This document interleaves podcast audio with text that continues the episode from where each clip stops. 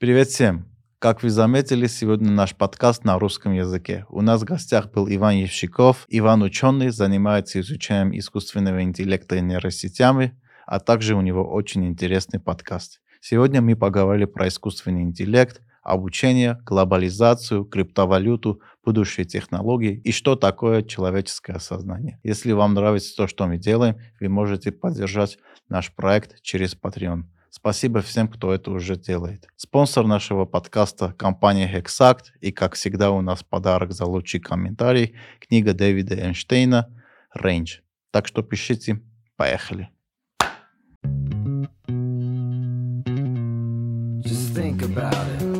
Давай начнем, наверное, э, с, с, с очень обсуждаемой темы сейчас в интернете – чат GPT от OpenAI. Да что это такое и почему такой хайп? Что это такое? Значит, э, э надо начать немножко с экскурса в историю. Долгое время э, делали люди такие модели, э, которые назывались трансформеры. Это такая mm-hmm. архитектура искусственной нейронной сети, которую придумали в 2017 году. Э, придумали ее ребята из Гугла, сделали статью «Attention is all you need», и это был такой большой прорыв в вообще понимании текстов алгоритмами. Потому что до этого в зрении прям много было коммерческих применений. Э, было там, ну, понятно, что можно там face tracking, там, не знаю, ты камеру наводишь, тебе лицо распознается, mm-hmm. фокусируется. Ну, типа со зрением все понятно было.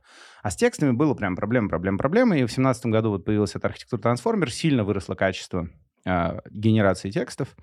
И стало развиваться большое направление, которое на английском называется LLMs, Large Language Models. Mm-hmm. Это типа большая-большая сетка, которую мы учим очень забавным образом. Мы ее учим примерно так, как мы учим иностранные языки. Вот ты когда учил английский, там были такие задания, ну, я когда учил, у меня так было, что там fill in the gaps, значит, заполните пропуски. Да, да.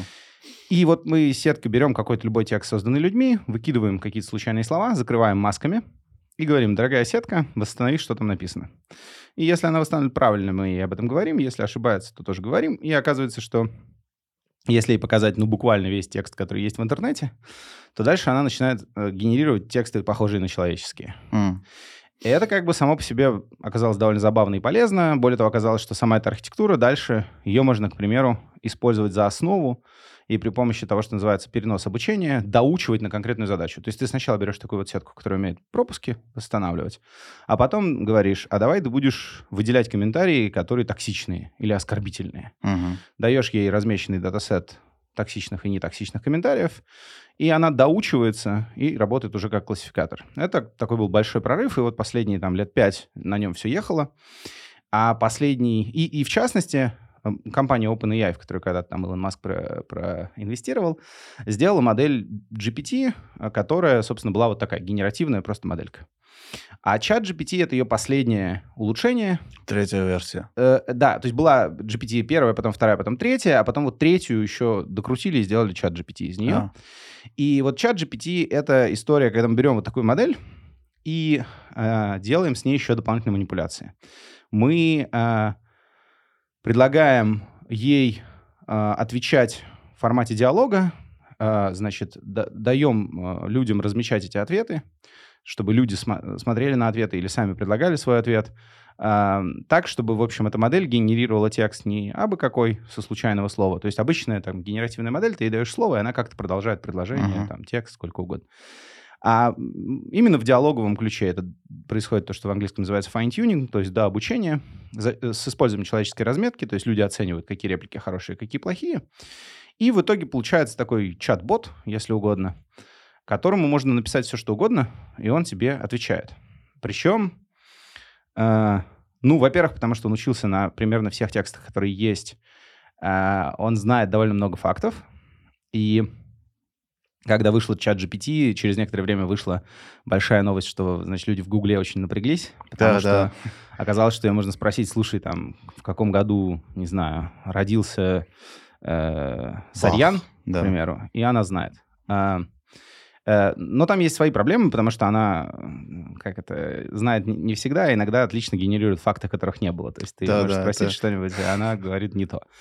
И с этим надо еще работать, но так или иначе это некоторая угроза для поиска, потому что оказывается, что, там, допустим, всякую фактологию можно не в интернете искать, а внутри такой модели, и она может быть у тебя на устройстве, и никакого тебе э, интернета не надо, чтобы, значит, с ней разговаривать.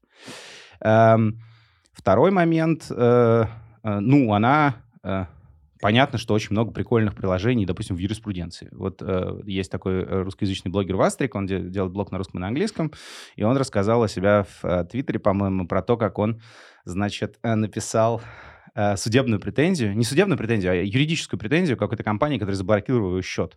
Какой-то, значит, э, сайт криптовый, Ага. забла- заблокировал, значит, его счет, потому что, значит, у него русский паспорт, хотя вроде не, не- не должно было этого быть, потому что он давно Я живет думаю, в это был Германии. Coinbase. Вот, да, наверное, да. А он давно живет в Германии, и вообще по правилам Coinbase это вроде не должно быть, это противоречит их же там условиям Ага. пользовательского соглашения. И он им несколько раз про это писал, у него ничего не получалось. А тут он зашел в чат GPT и сказал, чат GPT, напиши-ка мне legal claim, значит, а, вот в такой ситуации. Она ему что-то сгенерировала, и он им это отправил, и они ему разблокировали счет.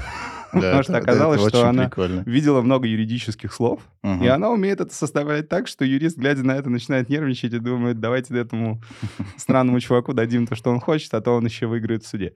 А, Другой пример — это люди, которые, допустим, занимаются SEO-оптимизацией, а, Search Engine Optimization, а, или маркетингом, они берут и говорят, слушай, а ты можешь вот посмотреть на текст моего сайта и переписать его так, как бы его переписал SEO-эксперт? Мгм. И она тоже переписывает, и получается лучше.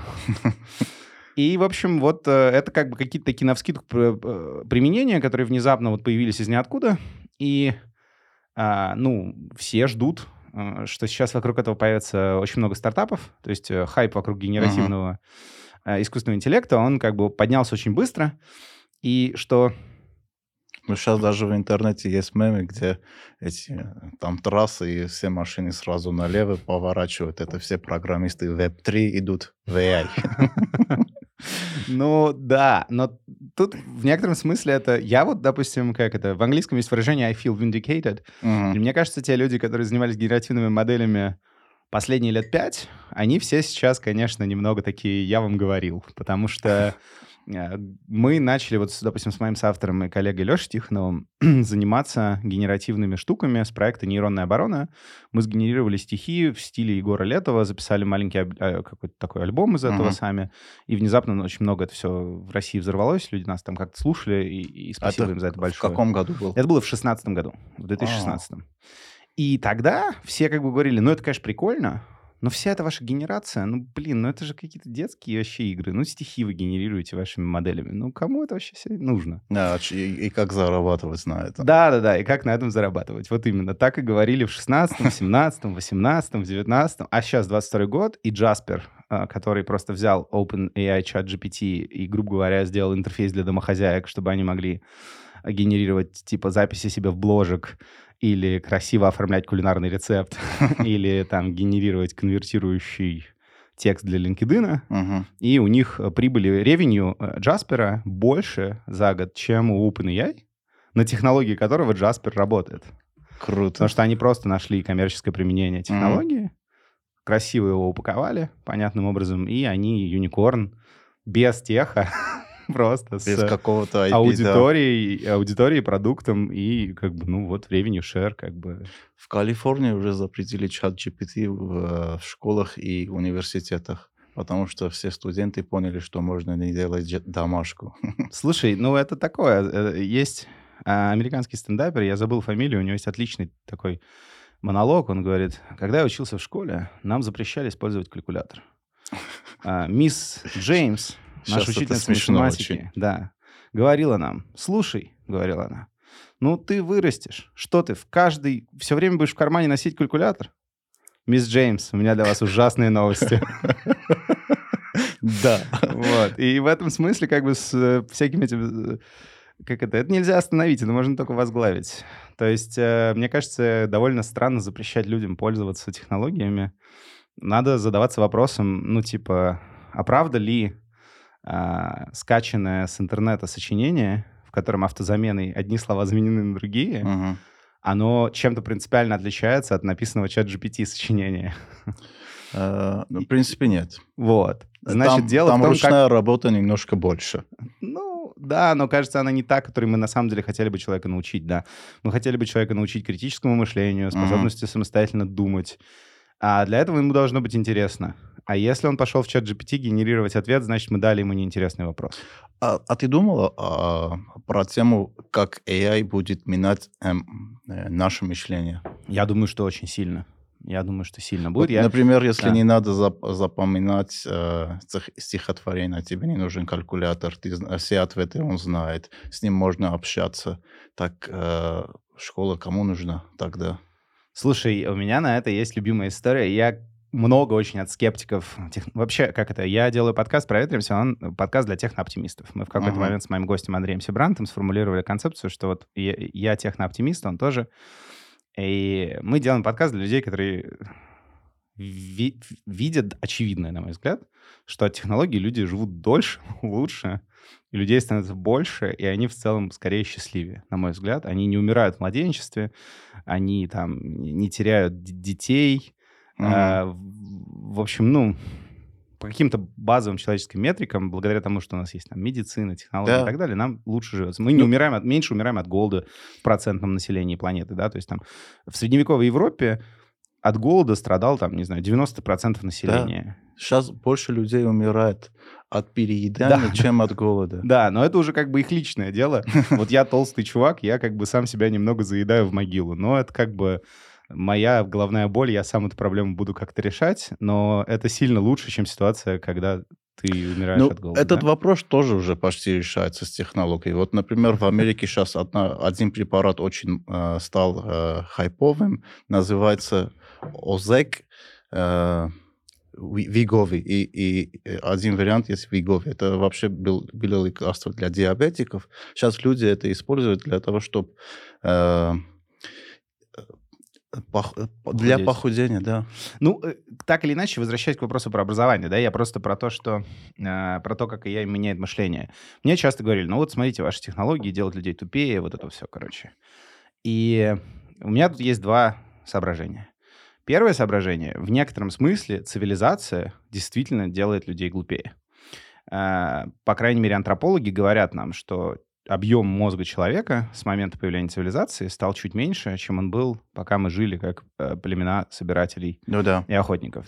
Связано это с тем, что, ну, там, по тем или иным причинам у нас эволюция развивается не так, как вот она бы развивалась, если мы были биологическим видом без культуры, сознания и цивилизации, mm-hmm. а немного в другую сторону, и отбираются немного другие принципы. То есть, грубо говоря, э, человек может оставить потомство не обязательно потому, что он, у него самая быстрая реакция, он быстрее всего отпрыгивает от змеи в кустах. Ну и не, не то, чтобы это, наверное, там, супер большая проблема, потому что, опять же, антропологи говорят, что эти изменения есть, но они не настолько критичные. Да? Угу. Но да, это факт, кажется, с точки зрения антропологии, что ну, мы да, немного мо... глупеем. А, по крайней мере, мозг нас становится немножко меньше. Если не ошибаюсь, где-то 15% меньше стало. Ну, вот я что-то такое слышал, я тут боюсь соврать, я в этом смысле совершенно не эксперт, но просто это одна из мыслей, которые надо понимать.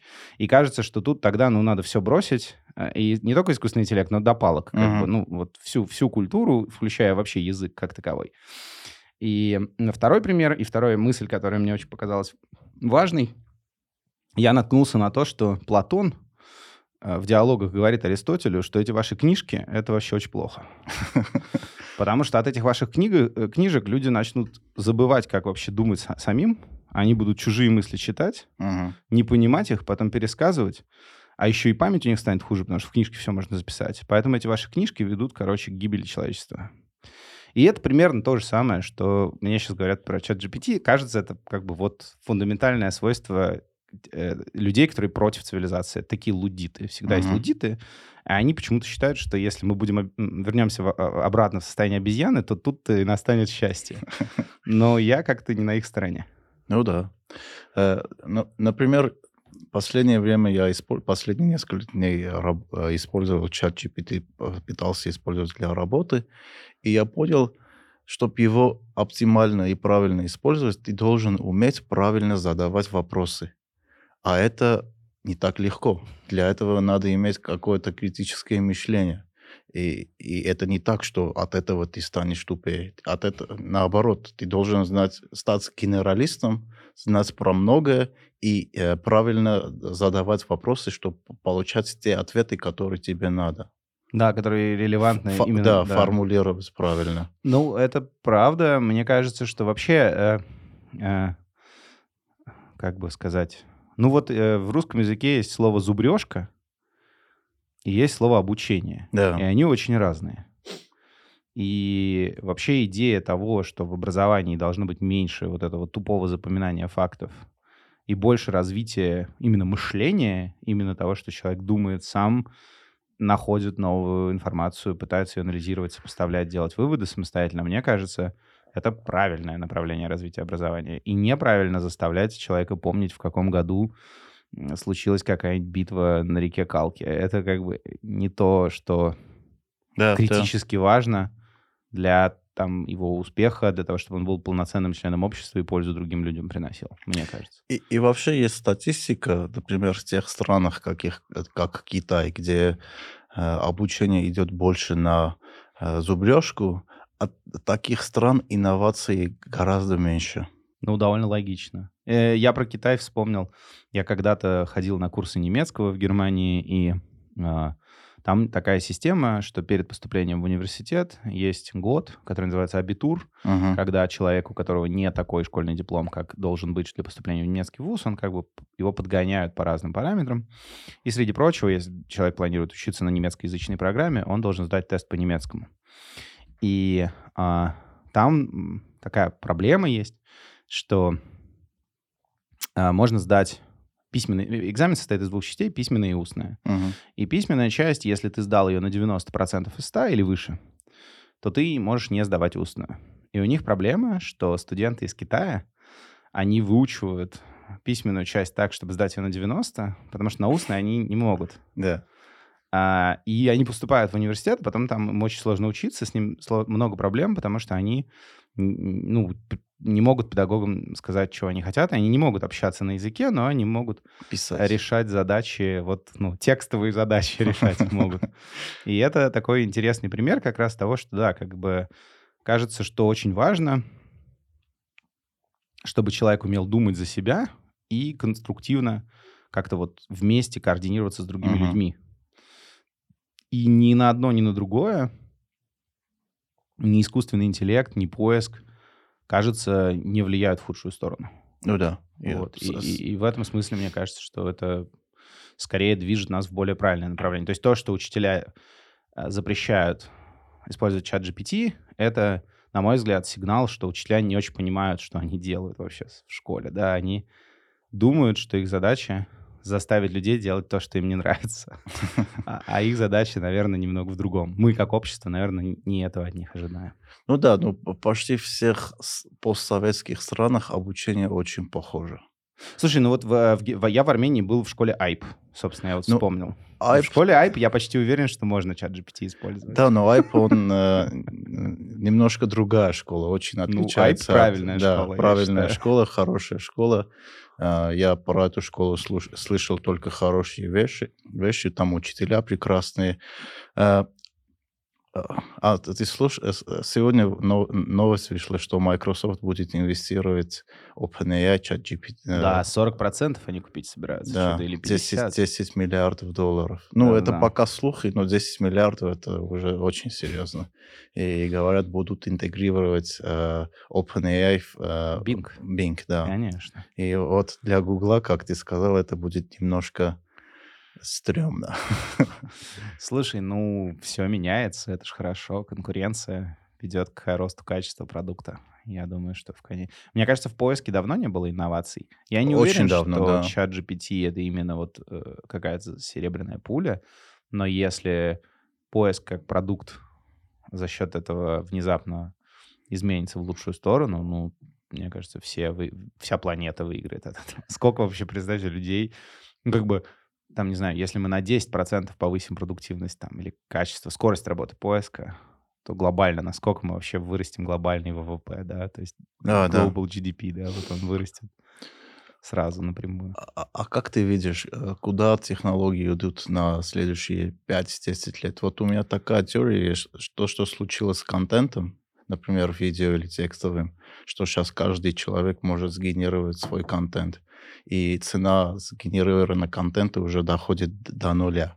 То же самое будет в IT. Например, тебе, чтобы создать свою программу или какой-то application, тебе не нужно будет создавать стартап, нанимать людей, а это можно сделать, как, например, ютубер, который может один сделать контент, сделать монтаж и скинуть в сеть. Я бы очень хотел в этом мире пожить. Мне кажется, это круто. Если так будет... Э, у меня есть на это надежда. Я не так оптимистичен, как ты. Но это правильное направление, мне кажется. Как ты думаешь, э, сколько лет нужно, чтобы дойти до этого уровня, чтобы каждым... Ну, например, сказать алгоритму AI, что я хочу такую программу, чтобы делал так и ну, так. Ну, есть же, собственно, OpenAI, по-моему, Copilot, который в этом направлении движется. Но, но пока это софт для... помогает, да, да. да, это скорее помощь программисту. Это пока еще не такая история, что на словах объяснил, и он сделал. Мне кажется, что... Или знать, не знаю, минимальные знания программи- программирования, если у тебя есть, ты можешь создать себе крутой продукт. Если есть э, креативность и э, можно как-то это сделать правильную дистрибуцию. Знаешь, э, Рейган говорил, что он э, хочет, чтобы ему кто-нибудь э, в качестве советника посоветовал однорукого э, экономиста. Почему? Потому что экономисты все время говорят on one hand, on the other hand. И он говорил, что дайте мне однорукого экономиста, а то это невозможно слушать. И я вот тут понимаю Рейгана, но я сам не хочу как бы что-то людям обещать и потом э, ошибиться. Мне кажется, что продукты для генеративного софта Мгм. точно будут, и они уже есть. Э, И, и их будет больше. Э, Как бы вот как будет э, качество генерации, оно э, растет рывками. Вот все, что было до трансформеров, все, что было после, то есть до 17 года, после 17 года, это такой прыжок. А, Возможно, вот то, что сейчас происходит вокруг чат GPT, это следующий прыжок. Как бы, когда случится, ну, там, с 17 по, ну, там, наверное, по началу нулевых был... э, Начало нулевых, когда э, искусственные нейронные сети, LSTM, э, там, Шмидхубер предложил LSTM в 1997 Получается, между трансформерами и LSTM уже 20 лет. Между вот трансформерами ChatGPT сейчас сколько? 5. Вот, да. возможно, через там два года будет следующий большой скачок. Мгм. Будет ли он именно в, соф- в софте, или хотя бы он будет в том, что, не знаю, вот я скорее верю, что на горизонте в, в 2-5 лет у нас, к примеру, появятся такие робо-няни или там дворецкие, которые будут с какие-то базовые... Ну, то есть вот у нас уже сейчас есть всякие Siri э, и умные ассистенты для Мгм. дома, но пока они еще не персонаж. Они не очень интересный собеседник. Да. Ну вот я как бы скорее надеюсь, что случится вот это, как бы эти э, ассистенты станут интереснее, персонализованнее. И это, мне кажется, произойдет сравнительно близко. То есть это там 2-5 лет. Ну, как в фильме Blade Runner. Ну, да хоть как в фильме Her, хоть как в фильме Blade Runner. Ну вот, мне кажется, это должно случиться, потому что людям, э, мы знаем глобально, есть глобальная проблема одиночества. Мгм. То, что люди так любят подкасты, связано с этим, в частности. Да, то есть то, что мы сейчас делаем, мы, среди прочего, помогаем людям а, создать ощущение, что они слушают каких-то прикольных чуваков у себя там, не знаю, на кухне. Я вот очень люблю подкасты из-за этого, потому что, ну, вот действительно, это как бы расширяет очень твое а, какое-то сферу общения Мгм. достаточно качественного. То есть у людей есть дефицит в качественном общении. Да, это очевидно. точно. Иногда я слушаю подкасты, и мне кажется, что я с ними сижу, и когда кого-то долго слушаешь, думаешь даже, что он тебе друг. Да, да, да, да, да. Но это очень важно, потому что, видишь, мне кажется, телевидение в этом смысле, оно очень долго исходило из того, что людям нужно что-то такое яркое, там, цепляющее, Мгм. вот все эти soundbites, вот это все нарезать, нарезать, Да-да. э, как это, шутка на страницу, ну вот это все. А на самом деле у людей огромный голод по качественному, глубокому общению. Да? Да. И вот А- подкасты на это отвечают. И если мы сможем сделать персональных ассистентов, которые на это отвечают, то есть, грубо говоря, персональный ассистент, с которым можно поговорить э, о чем-то, что тебе действительно интересно, он тебе Мгм. расскажет что-то, что ты не знаешь, он тебя чему-то научит. Э, Вот это, мне кажется, штука, где есть большой рынок, большая потребность, и от этого много пользы будет. И Я Да. верю, что это случится э, в какой-то момент. Э, Я скорее ожидаю, что это случится раньше, чем вот автоматизированный софт. Мгм. Автоматизированный софт я бы полностью там вот что можно просто текстом описать, что тебе нужно, и оно случилось, я бы не ждал на горизонте там в пару-тройку лет. А каких-то таких персональных ассистентов, которые, может быть, в каких-то областях будут для тебя вот полноценным э, таким источником интересного uh-huh. общения, я бы ждал. Но, может, я тут не прав, может быть, по-другому. Не знаю, я, я тоже об этом, э, у меня не так много информации. А ты как думаешь вообще вот с точки зрения э, автоматизации создания софта? Какие твои ощущения? Ну, я думаю, все идет к, э, к этому, потому что, например, если посмотреть инвестиции венчурных капиталистов, то на no-code movement, как так можно сказать. Частью которого вы являетесь. Да, к части которой наша компания является, много инвестиций и Э, ну, это из, э, если хайп CA останется еще пару лет, не будет как с Web3, может и случиться Слушайте, в течение что 5 вы все до 10 Web3? Web3 жи- живее всех живых, ребят. Ну... Типа мы каждые три года все хоронят э, блокчейн. Я, а потом я... все закупаются на хаях. Потом опять, ну, как бы реально, это же происходит с, с биткоином, это происходит уже, по-моему, третий или четвертый раз за наблюдаемую его историю. Примерно раз в три года он валится. Дальше какие-то вот все эти очень умные аналитики рассказывают, что он умер. В это время, видимо, его прикупая. Дальше как бы он отрастает обратно. Uh-huh. В какой-то момент все те, кто его ругали публично, видимо, докупаются им на хаях, а дальше их валят. Ну, в смысле, это такая игра, которая ну да, если смотреть статистику, биткоин в 2022 году не первый год, когда закрыл в минусе. Да, далеко Это не второй первый. раз. Э, но все аналитики говорят, что криптозима началась. Вот сегодня в новостях появилось, что Coinbase уволил еще 20% своих Да, и Facebook уволил там 15%. Что Facebook из-за криптозимы это сделал? Может ну, быть, дело в том, что думаю. началась э, зима в software engineering? А Может началась? Быть... Не знаю, мне кажется, что да. Мне кажется, что скорее э, большие IT-гиганты очень давно не делали ничего нового. Когда последний раз компания Apple сделала что-то, от чего ты такой, блин, а? Последний раз, э, когда я купил AirPods, вот. Сколько это мне, было лет ну, назад? Ну, лет четыре, наверное.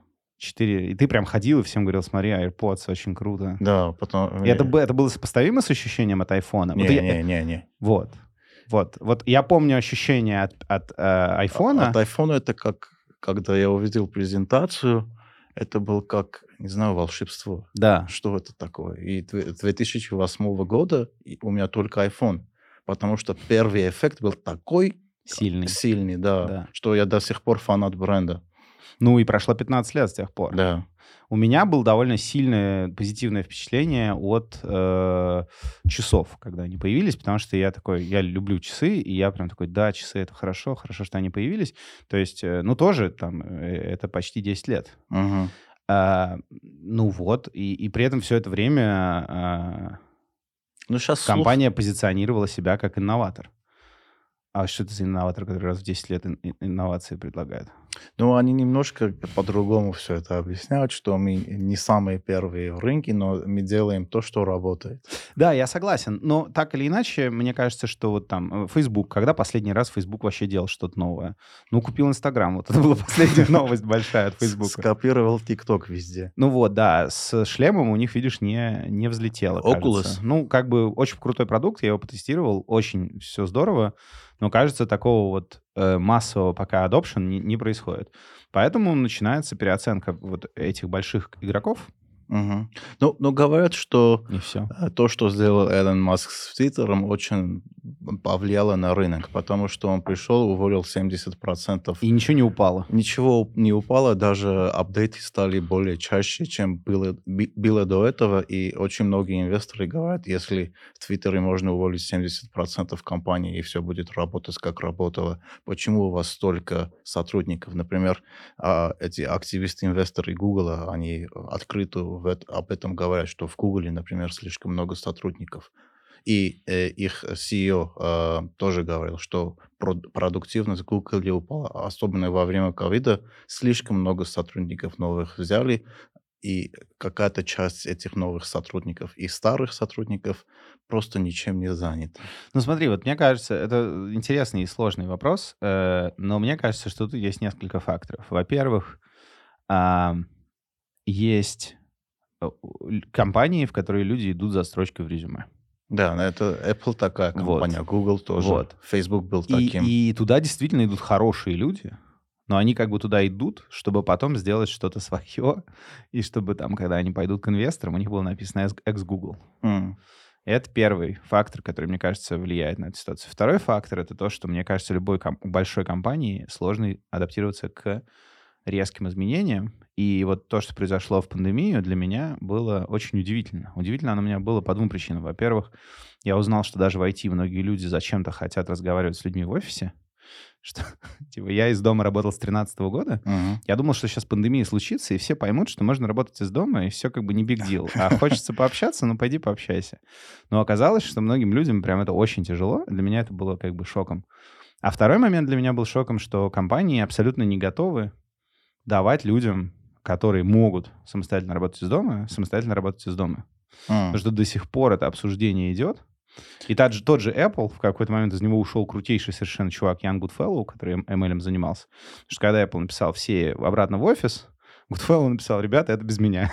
А да, он был да. head of AI там. Даже Verge об этом писал. Да. Это и, было так. И каз... я-то думал, что, смотрите, сейчас пандемия случится, и у нас будет глобальный пул талантов, все наконец поймут, что можно как бы все делать удаленно, глобально, и ты можешь прям вот под задачу набрать самых крутых чуваков, и неважно, где они сидят. Угу. Окажется, это поняли единицы компаний. И вместо этого большие компании устроили какой-то такой... А, создали кучу стресса для своих сотрудников, сначала отправляя их в офис, угу. потом возвращая их из офиса. А для своего менеджмента кучу стресса создали. Ничего нормально как бы к этому адаптироваться не смогли. И сейчас еще кучу народу уволили. И это все как бы вместе связано. И то, что Coinbase на этом фоне уволил 20% сотрудников, серьезно, проблема в Web3, правда? Ну, типа, это, это каждый раз, знаешь, у меня любимый пример. Вот есть Пол Кругман, который в Твиттере постоянно хейтит биткоин. Я, на, я, я как бы, если бы у меня было больше времени, я бы на каждый его пост прикладывал скриншот его э, статьи, в, э, по-моему, The Economist, ну, в каком-то американском журнале. Uh-huh. Статья 90 Э, какого-то года, в которой прям так написано. Пол Кругман считает, что влияние интернета на глобальную экономику будет сопоставимо с влиянием факсов. И типа не надо вообще так сильно переживать, интернет оверхайпт. Да. Это позиция Пола Кругмана. Но вот он всегда занимает позицию, что то, что он не понимает, это оверхайпт. А дедушка уже старенький, он не понимает многое. Он Но же, это как бы... Он же Нобелевскую премию по да, экономии получил. получил по, да. По Причем экономике. он был... Он ее сначала получил, а потом говорил, что интернет — это оверхайп, и вообще не, не, не стоит так переживать из-за него, понимаешь? Ну, типа, если чувак такой прогноз сделал, почему мы слушаем его про то, что будет с Web3? Ну, большинство экспертов всегда неправильно говорят, иногда что-то правильно говорят, и всегда говорят об этом, что они это предвидели. Ну, то есть, да, как бы... А, а ты веришь в биткоин? Я верю в биткоин. Я, я как бы анархокапиталист, поэтому я верю в э, не, не, не инфляционный э, эквивалент value. Я считаю, что инфляция — это большой, большое изобретение государств, угу. и технология, которая может победить инфляцию, это big deal. А, и ты думаешь, биткоин э, это Я технология? не уверен, что именно биткоин, хотя как бы мне нравится позиция вот такого там Майкла Сейлора. Uh-huh. Я прям люблю его за это, потому что он как бы каждый yeah. раз говорит, ребята, расслабьтесь, выдыхайте, мы купили биткоин. У них Э, собственно, есть Майкл Сейлор, и у него есть фонд MicroStrategy, который официально, его стратегия опубликована, они будут ребалансировать свое портфолио только когда биткоин упадет до 3,5 тысяч долларов. Они купили тогда... Они сейчас купили огромное количество битков, у них 190 тысяч битков.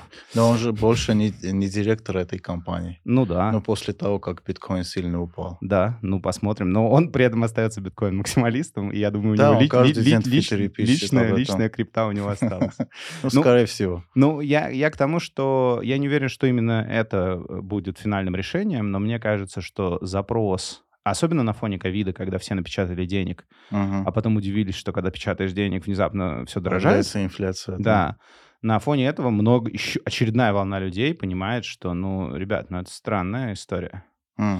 Типа, э, знаешь, есть эм, э, такой Мизес институт, э, собственно, у него есть курс про... Э, Что это за институт? Это американский институт, э, который как раз изучает... Э, э, в общем, был такой Хайек, экономист, а, который критиковал там Кейнса, в частности, в 60-е годы, получил Нобелевскую по, по, по экономике, по-моему, в 60-е, ну, в общем, в 20 веке получил Нобелевскую по экономике. И вот есть австрийская школа экономики, так называемая, uh-huh. которая, на мой взгляд, самая правильная школа экономики.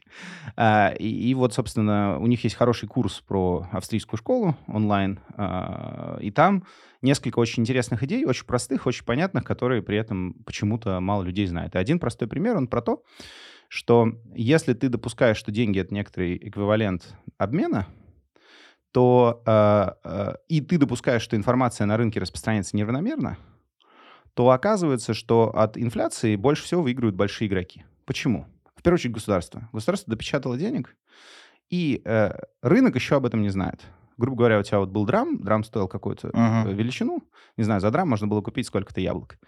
И пока э, мы не знаем, что драмов стало, не знаю, на 5% больше, за то же количество драмов можно купить то же количество яблок. Да, потому что информ... да. асимметрия информации да. есть. Теперь я большой банк, я пришел в Центробанк и занял у него драмов.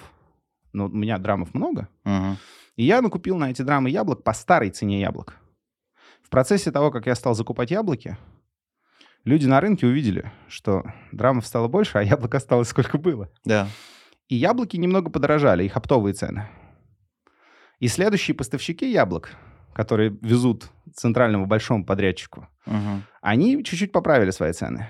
Но они еще не знают, сколько именно денег банк взял и насколько еще этот э, бешеный спрос будет продолжаться. Поэтому пока это происходит, они все время немножечко поднимают цены, еще меньшие поставщики еще позже об этом узнают. Uh-huh. И в итоге, когда эти самые драмы оказываются у тебя в кармане, цены уже изменились, но большие ребята купили по старым ценам.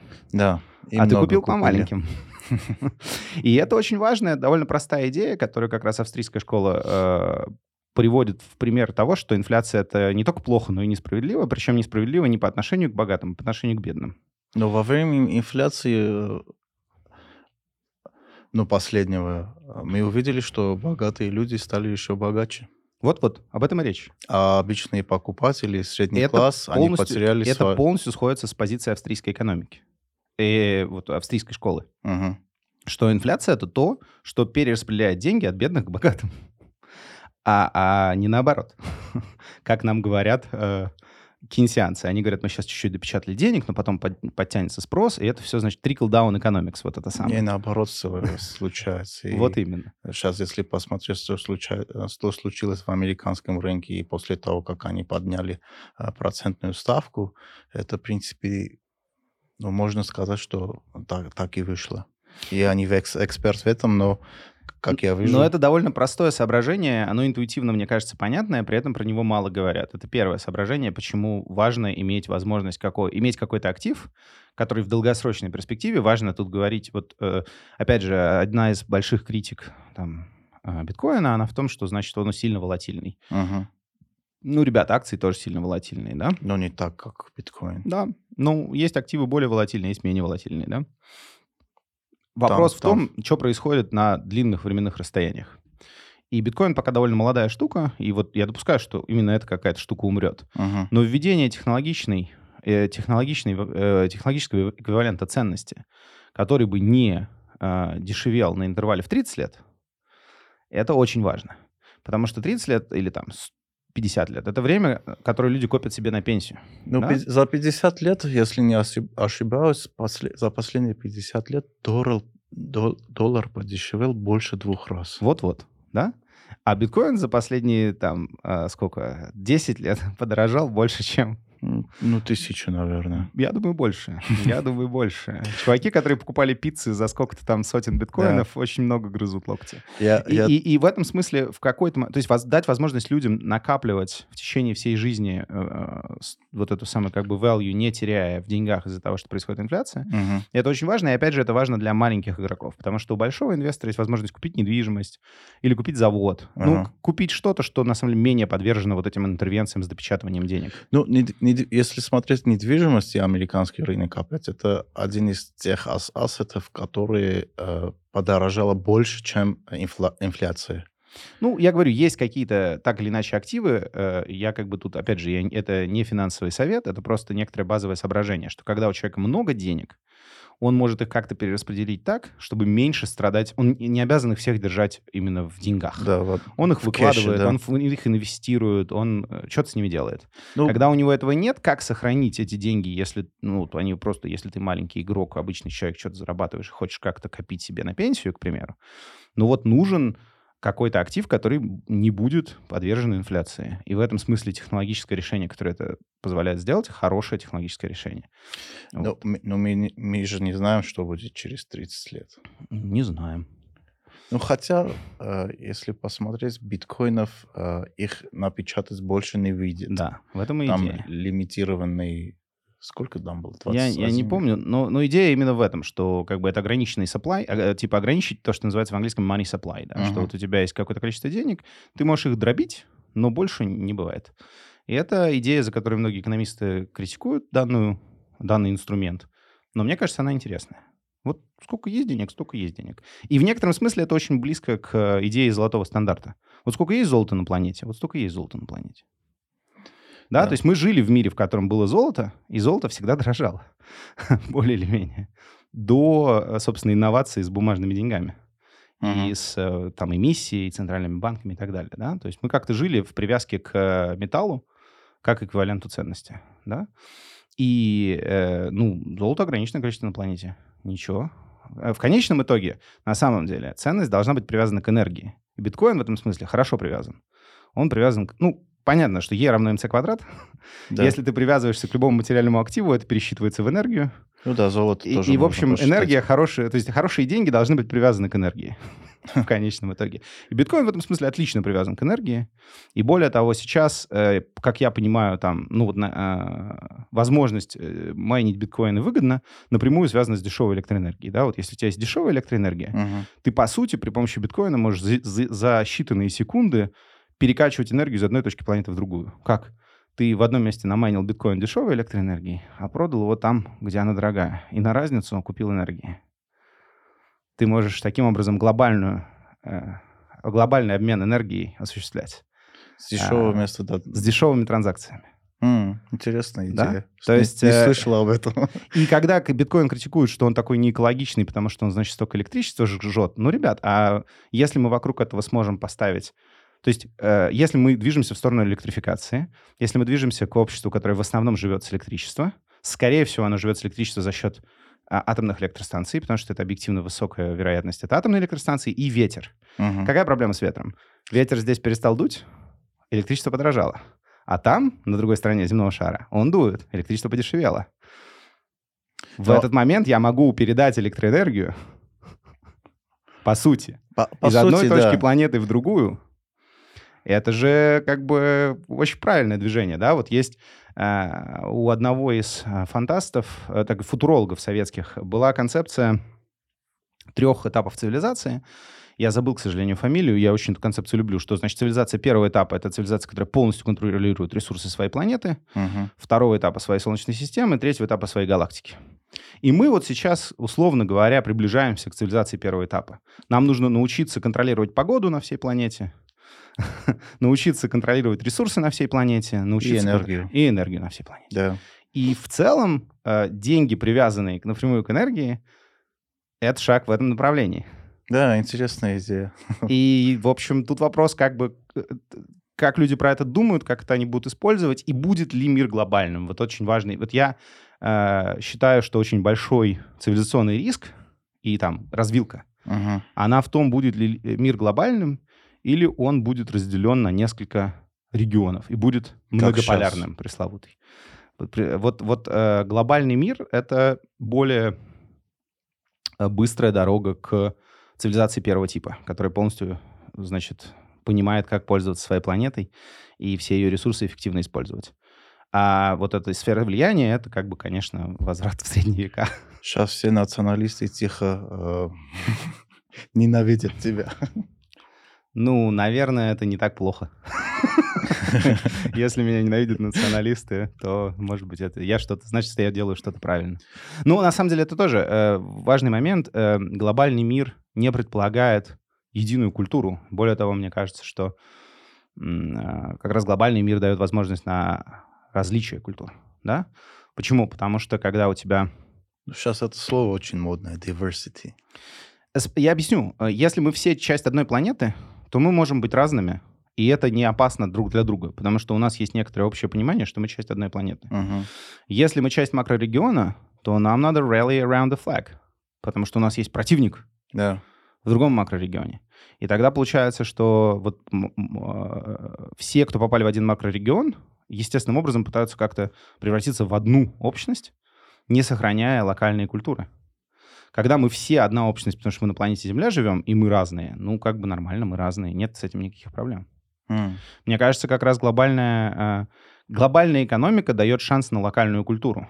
А отсутствие глобальной экономики неизбежно ведет к тому, что э, более малочисленные культуры будут пытаться, их будут пытаться как-то ассимилировать, э, смешать и сделать какие-то монолиты таких больших а, гиперкультур. Ну, типа вот то, что делает Китай с э, монголами, к примеру, Китай с да? монголами или... э, Или с уйгурами, мгм. да?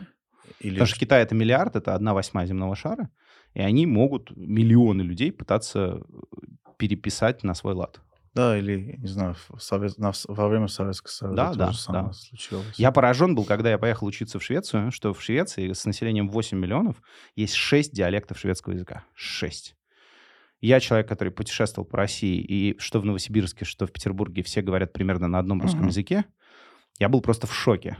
А Во- это все школа дикторов гостелерадио. Э, в армянском больше 10, Прекрасно. а у нас где-то 3 миллиона. Очень хорошо. Нет, ну я как бы очень это люблю. У нас тоже в подкасте были там выпуски про позитивный регионализм, как раз про то, что, ну, это здорово, когда в разных регионах по-разному люди говорят, э, думают, едят. Это дает разнообразие, которое очень интересное, и тебе самому интересно в своей стране приехать в другое место и, о, а тут вот так. А, а тут, допустим, я был поражен, я приехал на Урал, узнал прекрасное выражение. На Урале есть такая локальная фразочка. а, изображать бур... когда вот человек изображает бурную деятельность, но на самом деле ничего не делает. Фраза называется «гладить шляпу». Не надо гладить шляпу. Вот если ты гладишь шляпу, это ты типа очень шумишь, но толку Ага. от тебя никакого. На, на армянском это звучит муктешел, это... Если, Муктышел. я, если, если переводить, переводить на русском, это означает... э, как, как правильно? Кик, как по-русски? Английское слово кик. Пинать Да, пин- пинать э, маус. мышь? Пинать мышь? Пинать мышь. Да, в русском языке есть пинать балду, как бы пинать палку, как бы, да. Ну да, в принципе, то Да, же самое означает. Ну, ну вот, и когда про такие штуки удае- узнаешь, они так тебя, не знаю, меня радуют. Но это вот возможно, мне кажется, сохранение вот этой разнообразия и этой самой diversity, когда у нас есть понимание общих ценностей, когда у нас есть понимание, что мы одна большая цивилизация на одной довольно маленькой планете. Э, Мы хотим э, выйти за пределы этой планеты, очевидно. Мы хотим сохранить вот это разнообразие цивилизации. Вот это там ЮНЕСКО, это правильно очень. Я вот сегодня был в таверне Ереван, и там написано про то, что лаваш — это наследие армянской нематериальной культуры, по мнению ЮНЕСКО. И это круто, это правильно. Но как в бы. Армении очень многие обрадовались, когда это случилось. Сначала я не понимал, почему, потом вроде понял. Не знаю, но мне кажется, это хорошо. Ну, то есть это, это, хоро- это пример того, что весь мир признал, что вот есть такой народ, он сделал такую классную штуку, и это вклад этого народа в мир. Да, да. И это может быть маленький вклад, большой, это субъективное. Кому-то, кто-то считает, что, э, не знаю, Эйнштейн — это большой вклад в мир, а кто-то считает, что Лаваш — большой вклад в мир. Это очень субъективная штука. Да, да. Но и- возможность сохранить и то, и другое есть только когда мы все понимаем, что мы часть одной планеты, и, и мы на ней как-то все вместе живем. И, и- и люди реально от этого радуются. Что, то, что э, принадлежит их народу, Да? мир, мир, мир признал, и они это используют, они это кушают, и, Да. и людям это нравится. Да, и нет же идеи, что теперь лаваш есть только в Армении, а нигде его Не, есть больше нельзя. В этом же как бы... есть. Да, в этом же и суть, что вот... Мне кажется, это правильный глобализм. Правильный глобализм — это тогда, когда у каждого есть что-то свое, за что мы его любим, ценим, и за счет, ну вот, и, и, и- и здорово, и все. Но оно свое, оно не перестает этого быть твои- твоим, да, как Да. бы оно...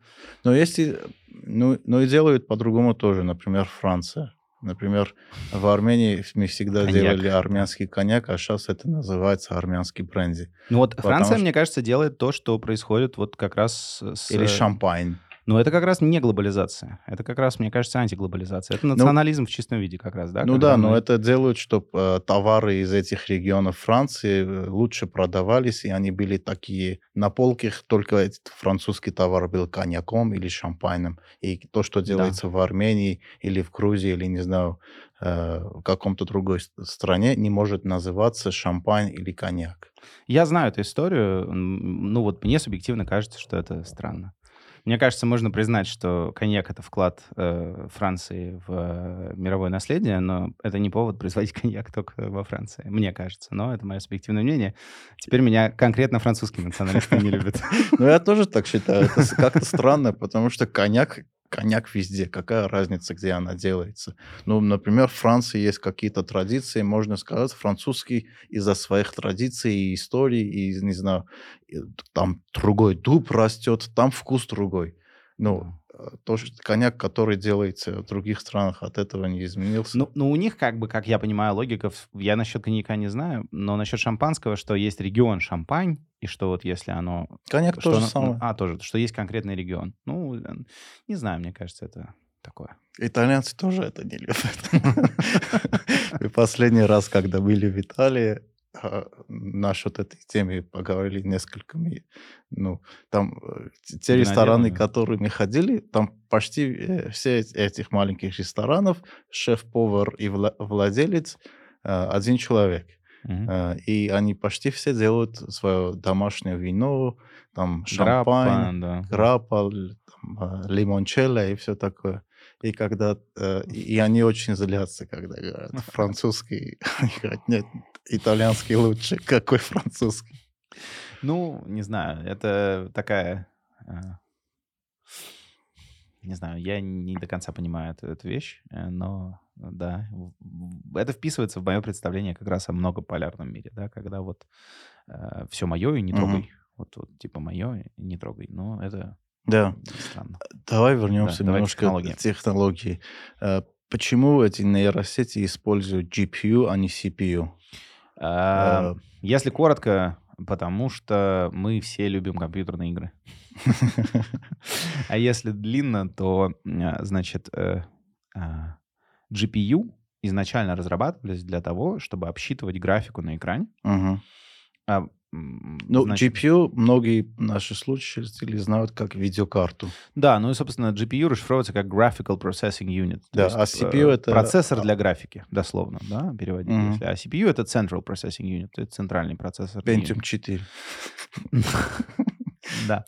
Значит, э, как, э, собственно, графика обрабатывалась видеокартой, да? Она, экран разбивается на треугольнички маленькие.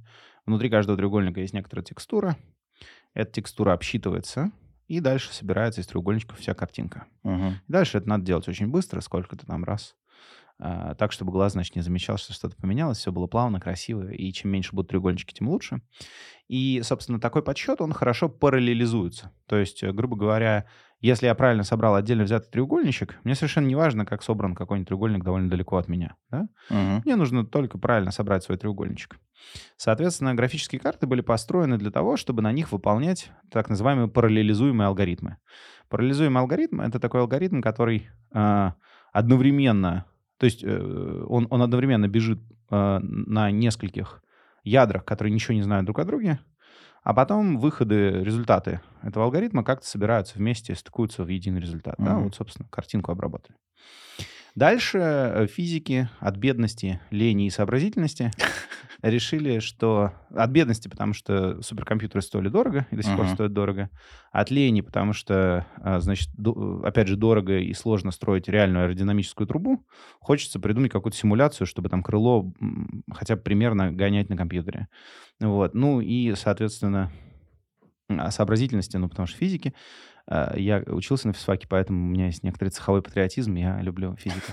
Значит, они э, говорят, давайте мы на ваших графических картах будем наши физические расчеты делать, потому что наши физические расчеты очень хорошо параллелизуются, потому что, в первую очередь, аэродинамика. Потому что когда крыло надо продуть, о, прошу прощения, когда крыло надо продуть, нам надо посчитать, как бы, как себя ведет поток в каждом там кубическом, не знаю, сантиметрике, uh-huh. условно говоря, а потом как бы склеить результат, и это хорошо параллелизуется. Оказалось, на графических картах можно это все делать. И стали там делать научные расчеты. В первую очередь физики. Потом в какой-то момент компьютер-сайентисты на это глянули и говорят, ха, так у нас же нейросети также устроены. Они тоже хорошо параллелизуются. Mm. И в этом смысле это как раз произошел большой скачок в этот момент, когда оказалось, что... Э, а, да, и почему физики вообще туда полезли? Потому что GPU намного дешевле, чем CPU. суперкомпьютер с таким же количеством CPU. И надо было придумать софт. Софт, ну, вот, собственно, CUDA. Э, это решение, которое позволило для расчетов использовать а, графические карты. И в какой-то момент, собственно, люди, которые занимаются нейросетями, тоже поняли, что можно э, нейросети также на них запускать. И это, получается, сильно демократизовало всю технологию, потому что если раньше тебе нужно было очень много дорогого компьютера, чтобы что-то обучить, то компьютер стал стремительно дешеветь. Плюс компания NVIDIA этот тренд увидела, вовремя uh-huh. вскочила в него и стала очень активно на этом зарабатывать, расти и сильно-сильно выстрелила, да, именно на этом тренде, на то, что графические карты оказались очень нужны для искусственного интеллекта. И, и э, биткоин-майнерам. И биткоин-майнерам. Тоже потому, что параллелизуются. Mm. А, собственно, всякие леджер-алгоритмы, да, они тоже параллелизуемые. Интересно. Вот. То есть все, что можно в параллель э, тащить, его через графические карты сам Бог велел. Потому что дешевле получается намного. Понятно. Трудно, но понятно. А, насчет, э, насчет искусственного интеллекта, вот многие слушали, слышали об этом, да. да, но многие наши слушатели, а, обычные люди, которые в этом не работают, не знают, что в каждый день они используют какие-то э, аспекты этого. Да. Вот можешь рассказать самые популярные Могу, э, да. application и, и, и hard, которые сейчас используют искусственный интеллект. Люди каждый день это используют, но об этом не знают. Во-первых, искусственный интеллект тоже делают обычные люди. Я очень против вот этого интеллектуального элитизма, что якобы ученые, они какие-то необычные люди. Все ученые существуют благодаря налогоплательщикам. Земной поклон всем людям, которые платят налоги они нас э, нанимают, чтобы мы делали науку и делали жизнь людей лучше, и такие же все обычные люди. Это Но такое. У, у меня русский третий язык, так что я могу нет, что-то я на, я на всякий случай, чтобы люди не подумали, что я считаю, что есть типа обычные люди, а есть ученые, которые, значит, на горе. Нет, я так не считаю. Все. Спасибо, что сказал. Все, все люди, все люди э, э, одинаково хороши. Э, э, значит, применение. Давай, поехали по пунктам. Поиск, уже говорили. Любой да. поиск в интернете — это алгоритмы ранжирования, которые персонализованы. У тебя поиск не такой, как у меня. Угу. И все это происходит благодаря искусственным нейронным а, сетям. А, кстати, многие не знают об этом.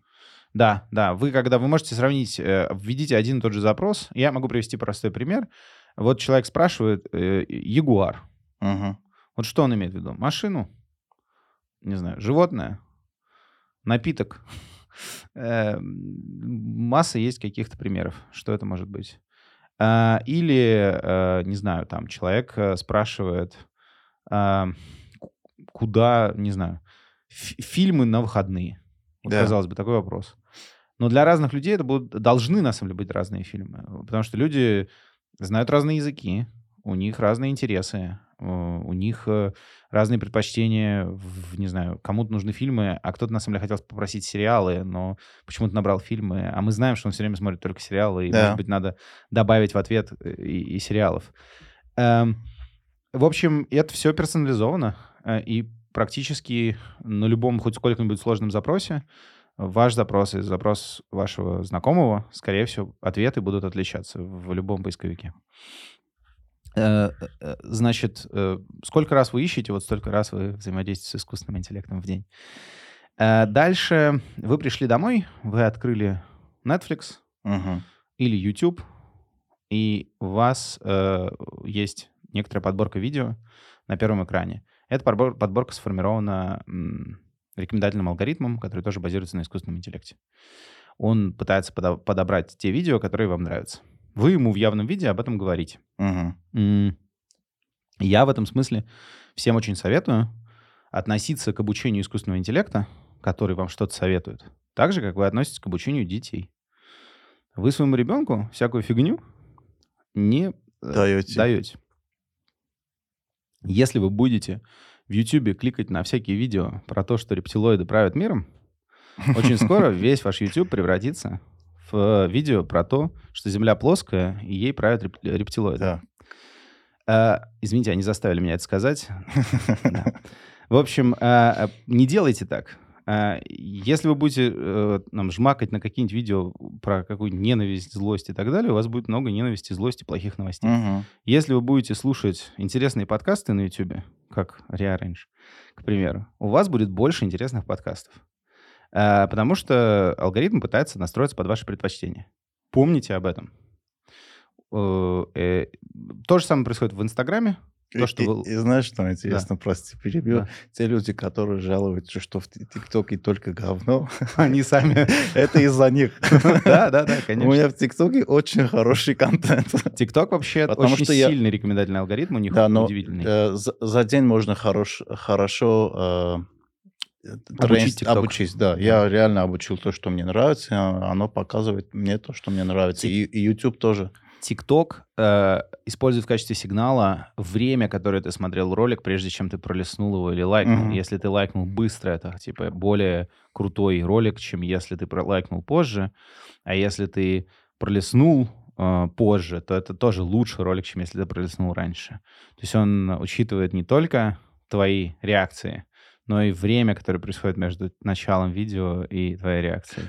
Ти- алгоритм ТикТока реально э, офигительно быстрый. И у них мощная идея в том, что видео короткие. Благодаря Да. тому, что видео короткие, они могут очень быстро собрать с тебя обра- много обратной связи и очень быстро За настроиться. несколько минут Да. они уже понимают, что тебе показывать. Да-да-да.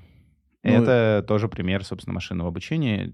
Типа про TikTok я как раз вот там, да, Netflix, YouTube, TikTok. А, длина контента уменьшается, качество рекомендаций а, растет. Мгм. А, хотя мне кажется, что вот это удивительно, но качество рекомендаций YouTube, допустим, на мой взгляд, хуже, чем качество рекомендаций Netflix. Ам, и- YouTube хуже, чем Netflix? На мой вкус, да. Хотя, может быть, просто, э, не знаю, может, я как-то не умею его готовить. Но мой, мой YouTube какой-то очень однообразный и скучный, мой Netflix какой-то более разнообразный. А, а, У них новая кнопка появилась. New for You называется. А, вот я э, потестирую. Наверху. э, И, Да-да. и- и я часто нажимаю на этот, эту кнопку, потому что когда становится слишком однообразным, Вот, вот YouTube, он как-то залипает в одну Да, какую-то очень скучный, какой-то, ну, то есть он может быть неплохой, но он как бы хочется новизны. Вот у них новизны какая-то проблема с есть темы, если ты что-то про эту тему посмотрел, все, твой, Да. твой, э, весь твой э, фид может поменяться за несколько часов. Да-да. Э, Ну, если вы что-то покупаете онлайн, рекомендательные алгоритмы используются часто. И там пресловутая формула Амазона вместе с этим товаром часто по- по- по- покупают вот этот. И там известный скандал, что, по-моему, Amazon или какой-то другой e-commerce в Штатах понял, что э, девушка беременна раньше, чем она это поняла, и чем поняли ее родители. Таргет. Да, да, таргет точно, да. Хотя я слышал, что это чуть ли не придумка их маркетологов, они такую утку запустили. Ну, и, ну, А. я это прочитал в книге э, Power of Habit. Они э, в этом книге рассказывали про алгоритмы, что Target был один из самых первых компаний, которые начали использовать алгоритмы и математику, чтобы рекомендации делать. И, и они тоже придумали этот, э, хотя они это взяли у радио-диджеев, называется этот трюк сэндвич когда в, в радио между двумя хитами ты ставишь какую-то песню, которую Discovery, да. ты хочешь э, продвигать, и эта песня из-за двух хитов может стать э, Тоже хитом. хитом. И, например, Amazon и Target и другие сейчас рандомли тебе дают э, какие-то рекомендации, которые они не зна- знают, что тебе не нужно, чтобы их рекомендации не было слишком так... э, Однообразно. да. не, страшным, потому что они слишком хорошо могут рекомендовать. Они иногда испо- специально используют такие рандомные э, а- алгоритмы, чтобы ты не пугался от Ну качества вот это, их вот это, вот это удивительное, конечно. Я бы прям, если была возможность переключить какой-то выключатель, сказав, я не, бу- не, я не боюсь алгоритмов, вот, вот я бы прям всем компаниям советовал прикрутить этот Мгм. выключатель, потому что, очевидно, есть какая-то группа людей. Я бы очень хотел, чтобы качество моих рекомендаций было самым лучшим из возможного. Ну, Я как бы э, осознанно этого хочу, мне нравится, меня ничего это не пугает, э, типа, порекомендуйте мне. Мне в этом смысле очень нравится Инстаграм. А, мой Инстаграм... один из лучших вообще видов контента в моем инстаграме — это реклама. Простите, друзья но как бы реклама в моем инстаграме визуально очень часто мне очень нравится. Да? Там прям какие-то красивые вещи дизайнерские, которые мне прям нравятся. Я на них кликаю, потому что я знаю, что если я не буду на них кликать, я не перестану на них показывать. Хожу, смотрю, почти никогда ничего не покупаю, но прям такой отличный контент. Очень хороший. Э, и тоже довольно быстро, кстати, учится Инстаграм. Там да. за месяц, если внимательно обращать внимание, что реклама и с ней как-то взаимодействовать, явно говорить, что что-то не нравится, это, кстати, тоже важно. Явно негативный сигнал — это очень сильный сигнал. Угу. И явно говорить, что что-то нравится, то через некоторое время прям да, очень хорошо. нормально работает. Например, у меня да пару месяцев назад начала мне показывать рекламу каких-то бьюти-блогеров, все такое. Но я показал, что я не хочу это видеть. И все, она перестала И все, делать. она перестала это показывать. Э, вот мы поговорили про discoverability. Да. Как это по-русски?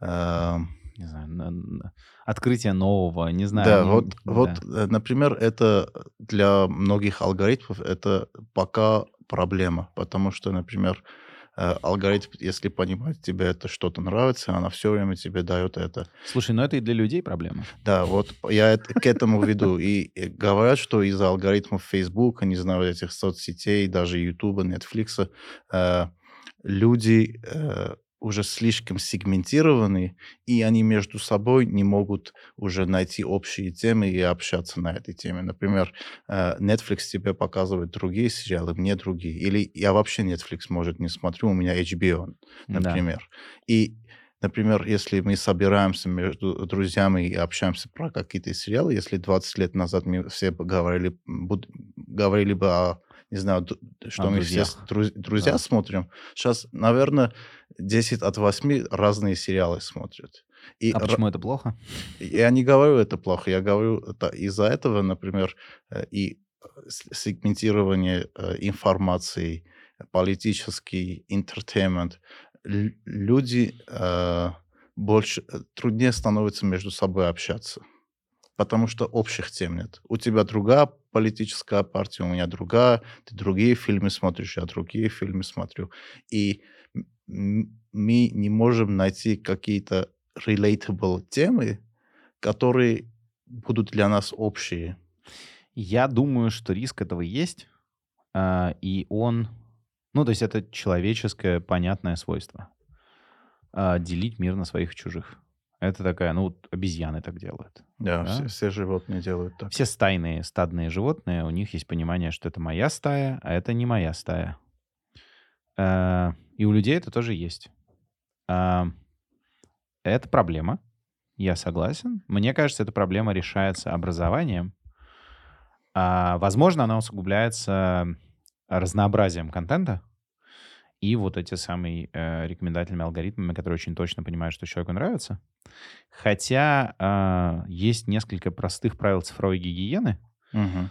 которые, кажется, решают эту проблему. И их можно просто, ну вот мы же учим детей руки мыть в школе, да? Э, прикольно, кстати, когда пандемия началась, обрати внимание, как много э, вообще людей...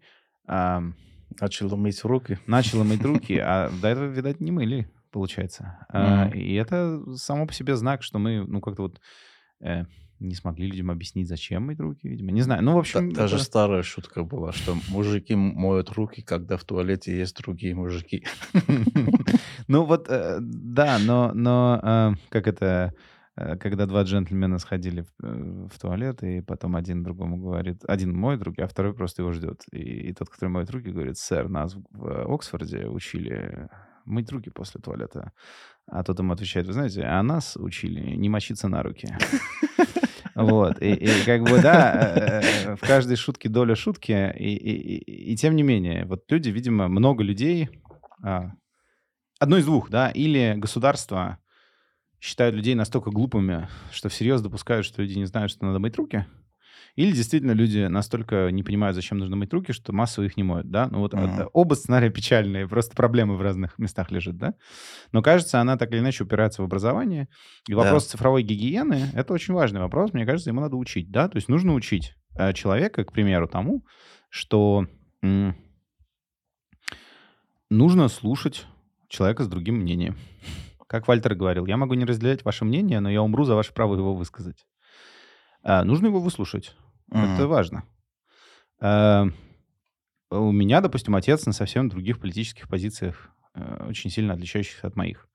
Но я стараюсь его выслушивать. Это бывает тяжело. А ему тоже бывает тяжело слушать меня, но мы как-то пытаемся это делать. И это простое, понятное правило.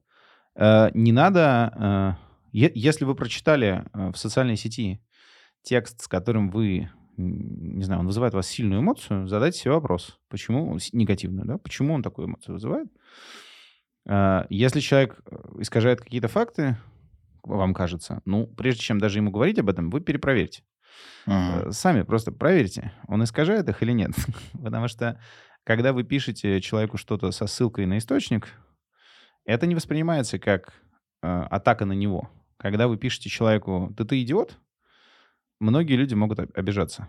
Да? Э, многие люди не в курсе, что в интернете так делают до сих пор. Хотя интернет так, так давно существует, но некоторые люди всерьез от этого обижаются. Это нормально. Э, то есть, да, проверьте эти факты и задайте себе вопрос, почему, если факты верны, почему вас раздражает то, что человек пишет. Мой любимый в этом смысле пример — это в Америке нашумевшая история с тем, что, по-моему, в Гарварде занижали квоты по приему азиатских да. студентов. Сейчас это дело дошло до их Supreme Court. Да, да, то есть э, э так получается, что э, э, как это, children of Asian Americans, uh-huh. дети американских азиатов, э, блистательно сдают экзамены вступительные в топовые американские университеты, и э, если, значит, брать людей по результатам экзаменов, то существенно больше людей азиатской внешности будет заканчивать э, топовые американские университеты. Да.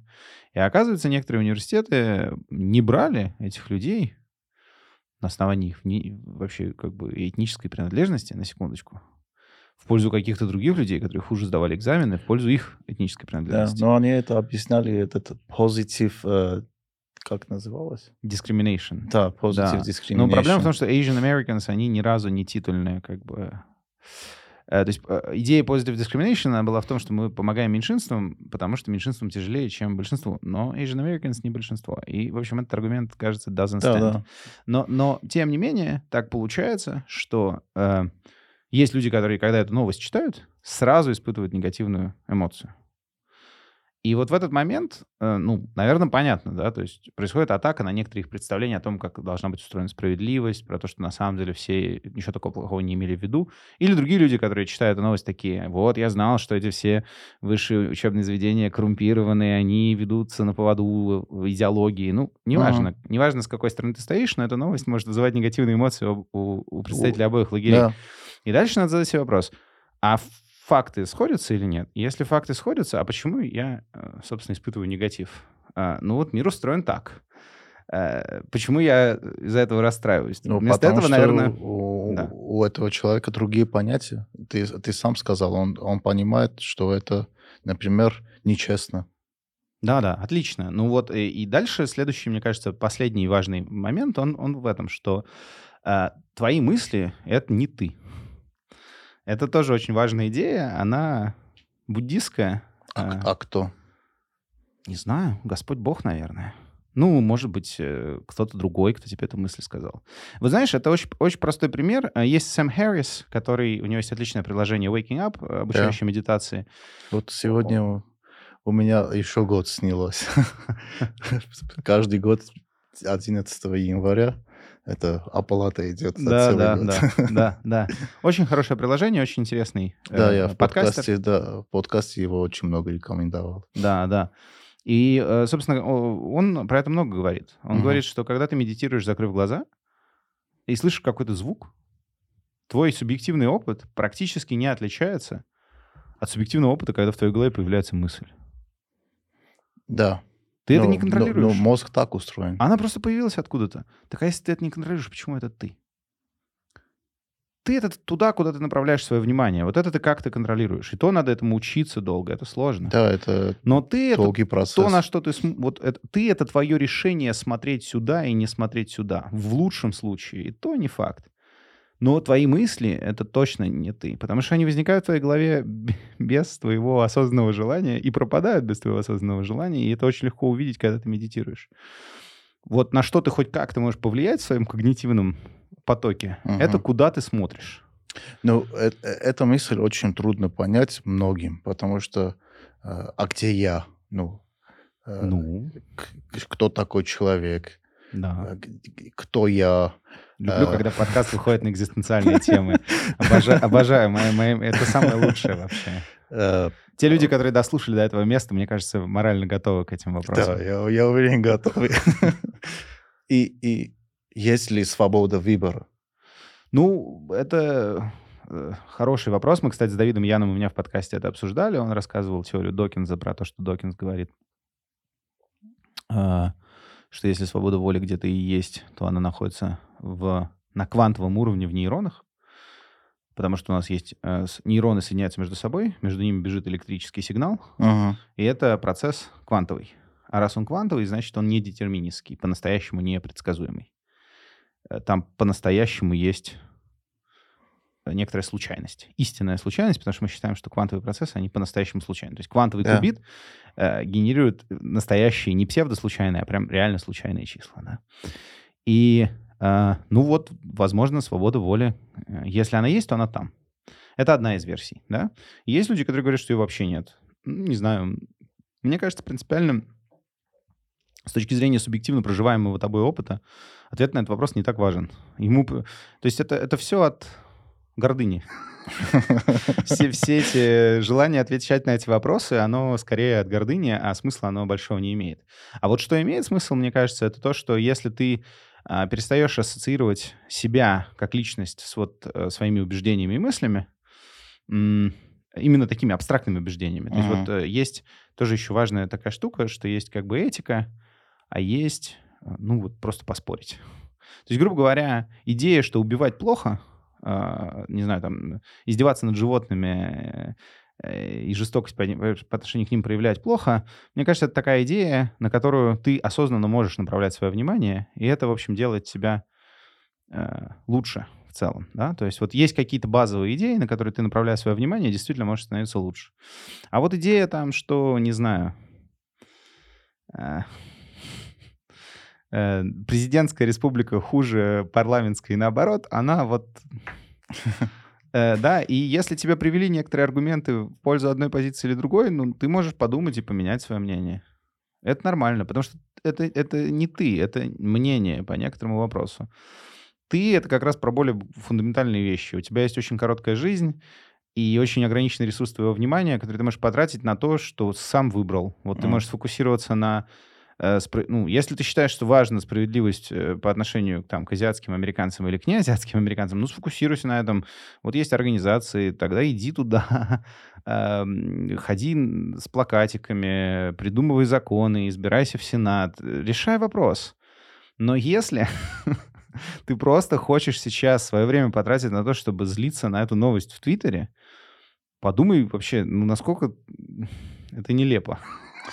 Да, но большинство используют социальные сети, Twitter и Facebook и для этого. Ну, что... мне кажется, нам надо доносить до людей идею, что как бы, ну, можно чем-то другим заняться еще в жизни.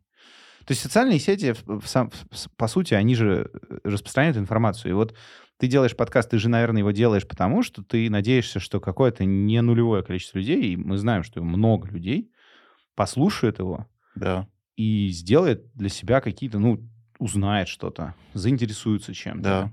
Вряд ли на выходе из этого подкаста они все такие пойдут в Твиттер и начнут там ругаться между собой, вот слушатели этого подкаста. Наверное, они какими-то другими цель делами не такая. Ну вот, и, и более того, это как бы... Э, ну, и это, мне кажется, вот то, за что мы социальные сети любим. Ты сделал подкаст, и там, типа, тысячи людей тебя смотрят, слушают, благодаря этой технологии. Да, это и очень ты круто. фокусируешься, ты тратишь на это осознанно время, силы, ты находишь гостей, ты находишь команду, люди что-то снимают, монтируют. Это много вот этого самого внимания, которое канализировано и создает багаж знаний, который потом люди могут подчерпнуть, использовать, переиспользовать, э, в какой-то момент столкнуться там с какой-то, не знаю, uh-huh стартап в области генеративного искусственного интеллекта, и такие, вот туда я пойду, а там в области Web3 не пойду, потому что я слышал, значит, э, в Rearrange, что, значит, вот надо так делать. Ну, условно. Ты как-то людям помог. Ну, супер. Вот это, э, мне кажется, core functionality социальных сетей, что он демократизирует доступ к информации, к информации и доступ к людям, для тех, кто эту информацию создает, да, который, кто ее создает, перерабатывает, uh-huh. упаковывает в понятном, удобном, интересном людям да, формате. Ты, ты очень хорошую идею э, мне дал, потому что ну, реально пару дней назад с друзьями мы разговаривали про это, что вот э, таких людей, как мы, ну, э, примерно, э, оказывается много. Очень много. Но из-за того, что всегда нам показывали говно или показывали какую-то информацию, которая мне не нравились, и мы не видели свои э, дальше своего носа таких людей, потому что их трудно найти. Мы думали, что таких людей нет. А когда ты начинаешь делать подкасты и какую-то информацию, ну, сейчас пример не только Orange, а очень многие люди делают очень хороший контент. И ты понимаешь, что таких людей больше, и собрав вместе, вы можете что-то поменять. И, и, и ты не чувствуешь себя таким одиноким, и ты находишь людей, которые, э, у которых интересные идеи, ты что-то у них учишься, и, и, и это это прекрасно, я думаю. Да, конечно. Это главное, что э, это же это еще, ну вот для меня подкастинг абсолютно изменил мое восприятие окружающего мира. Э, и благодаря тому, что я слушаю какие-то подкасты, и благодаря тому, что я делаю подкаст. Uh-huh. Потому что вот простой пример. Мы, мы записываем подкаст благодаря человеку, который тренер футбольный. И который... Который слушает мой подкаст и, и, и, и, и знает мой тебя, подкаст, и твой подкаст И слушает. мы знакомы из-за подкаста. Вот, и он сидит здесь в студии. Спасибо ему большое, что, что он это организовал, да? Э, я не мог в жизни предположить, что мой подкаст будет слушать футбольный тренер, но я очень рад, что он его слушает. В Ереване. Ему, видим, в Ереване, да. И ему нравится, судя по всему, раз он мне написал, увидев, что я в Ереване, да. да. И э, это для меня означает, что количество людей, которых, у которых есть любознательность, вот эта открытость какая-то миру. Э, там я, я тоже, у меня, допустим, как это, алверды, да, что я э, обожаю смотреть, я понял для себя, что футбольные документалки, э, не футбольные, вообще спортивные документалки для меня это как бы вот просто the guiltiest pleasure of them all, да, то есть когда вышла документалка про Джордана The Last Dance на Netflix. Я, я плакал несколько раз. Да, да, я просто плакал как девчонка. То есть э, я не плачу ни на чем, кроме спортивных документалок, реально, потому что это вот, ну, какой-то самый крутой тип контента для меня за пределами моей сферы профессиональных да. интересов. Э, другой пример есть великий совершенно документальный сериал э, Sunderland Till I Die Э, на Netflix, ты, ты видел его, да? Вот, вот великий... Суть сериала в том, что есть команда Сандерленд с огромной историей, которая живет в городе Сандерленд, в котором не осталось ничего, кроме этой команды примерно. И медленно умирает, и постоянно проигрывает. И первый сезон они проигрывают, проигрывают, и ты все ждешь, что они выиграют, но они до конца сезона продолжают сливать. Потом начинается второй сезон, и второй сезон они проигрывают, только проигрывают. И я, поним... я смотрел, я, во-первых, реально как бы плакал периодически тоже несколько раз за этот сезон, потому что так за них обидно. А во-вторых, через некоторое время я, я понял, что я, смотря эту документалку, стал одним из фанатов Сандерленд, да, то есть я стал одним из тех людей, которые плачут на стадионе, да, потому что Они их команда да. продолжает проигрывать, несмотря ни на что, а ничего другого как бы в фокусе моего внимания, кроме этой команды, сейчас нет, да, то есть у людей на самом деле намного шире круг интересов, да, да. И, и люди на самом деле намного гибче, чем я привык о них думать. И я это узнал через подкастинг, потому что мне казалось, что то, что мне так много всего интересно, это какая-то моя проблема, а нормальные люди ходят на работу, потом смотрят Петросяна. А это все фигня. Нормальные люди, помимо того, что смотрят Петросяна, вышивают крестиком и на самом деле мечтали бы поиграть в страйкбол одновременно, да, и у них это как-то нормально абсолютно да, в голове да. уживается. И то, что подкасты в любой тематике абсолютно взорвались, показывает ровно это, что люди намного сложнее, чем сами о себе думают. Намного сложнее и интереснее. Да. И, и, и что они э, не только они такие. Вот, вот, вот, да. И вот, что, у... что, и опять же, это возвращаясь к твоему вот этому большому вопросу про то, что вот, значит, рекомендательные алгоритмы делают нас одинокими, да нифига подобного. Вот с одной стороны есть эти рекомендательные алгоритмы, которые, может быть, нас разобщают, угу. но демократизация доступа к информации и возможность такому большому количеству людей делать контент, который им интересен, и находить единомышленников, она же, наоборот, нас со- э, соединяет. И она показывает нам, что мы можем найти общее с человеком, угу. который раньше, ну, мы вообще никак бы с ним никогда не встретились. Ну, да? как мы с тобой. Абсолютно. А, вообще никак невозможно было бы представить, что это было бы возможно. Вот об этом и речь, да. И, и э, у меня совершенно дикий пример. Я ходил на подкаст «Сережа и микрофон». Это российский русскоязычный подкаст э, Сергея Мезенцева. И после этого подкаста мне написал один человек и написал... Я первый раз тебя там увидел. А, вот. Наверное, вот, полгода назад. Да-да-да. Сереж, привет. А, а, будешь в Армении, вот, мне кажется, лучший гость. Приходи. Да, и наоборот. Вы возьмете, запишите два подкаста сразу. Эм, я, э, э, собственно, вот сходи, как это, сходил, короче, на этот подкаст. Э, какое-то количество людей мне после этого написало, и один из людей, который мне написал, написал, что у него игровая зависимость. Mm. И что он послушал подкаст и подумал, что он с ней справится. И почему-то решил мне написать письмо про это. И я его поддержал, ну, как бы сказал, что это очень круто, что он вообще про это задумался, что он это понимает. И ты представляешь, э, через год после того, как он написал это письмо, он мне, мы еще как-то пару раз с ним переписывались. И через год я был в Москве, я вызвал такси, и мой таксист оказался этот человек. Реально? Да. Он говорит, вы Иван Ямщиков? Я говорю, да. Он говорит, я вам писал письмо, помните? Я говорю, конечно, помню, обалдеть. И мы как бы с ним поговорили, и он не, не играет, все нормально. Ну, вот он работал как-то. И мы еще в пробках стали так долго. Мы отлично поговорили с ним, тоже привет огромный.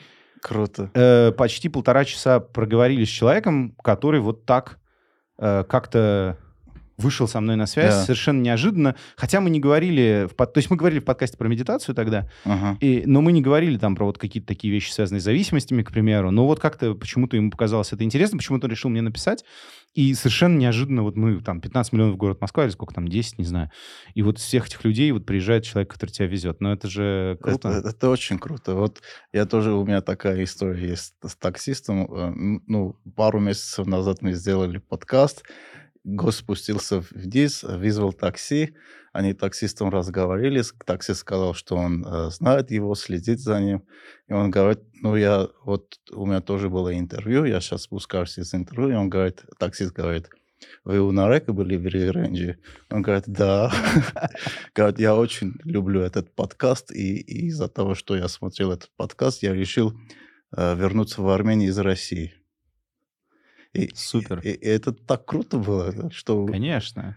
И, и очень многие люди пишут, что мы не представляли, что в Армении, например, есть столько умных, интересных людей, которые занимаются, не знаю, бизнесом, ученые, музыканты. И, и, и это стало смыслом подкаста, чтобы показать людям, какие крутые люди есть, и, и, и мотивировать их, чтобы сфокусировались, как ты сказал, сфокусироваться на что-то важном для них, Да-да. чтобы они что-то создали, что-то им принос, принесло удовольствие или что-то они могли влиять на других в позитивном смысле. Я очень э, простую мысль в какой-то момент подумал, и мне она нравится, и я ее периодически транслирую. Значит, вот э, если задуматься, то вот э, мне сейчас 35 лет, а, ну, допустим, будем считать, что с 5 лет я учусь чему-то. Ну, Мгм. пусть. э, Значит, за 30 лет можно пройти путь от человека, который примерно ничего не может, включая то, что не особо может говорить, до профессора университета по определенной тематике. А люди сейчас живут в среднем больше 70 лет. Да. Значит, э, любой человек, в принципе, гипотетически, может пройти, по крайней мере, две карьеры за жизнь. Причем до очень-очень высокого уровня с полного нуля, Да. если он на этом сфокусируется. Это сто процентов. Если так. при этом считать, что всерьез там, ну, на самом деле, я как бы так вот стал там, математикой, физикой заниматься, ну, там, в классе в пятом, да, это получается еще короче. А если говорить про машинное обучение, то я машинным обучением стал заниматься вот как раз в 16-15 году. До этого занимался анализом данных в Яндексе с с 2011. Но это Мгм. получается 10 лет. Это получается, что при наличии некоторой базы ты можешь сделать за жизнь, не знаю, 5 разных профессиональных достижений, каких-то карьер построить, если хочешь.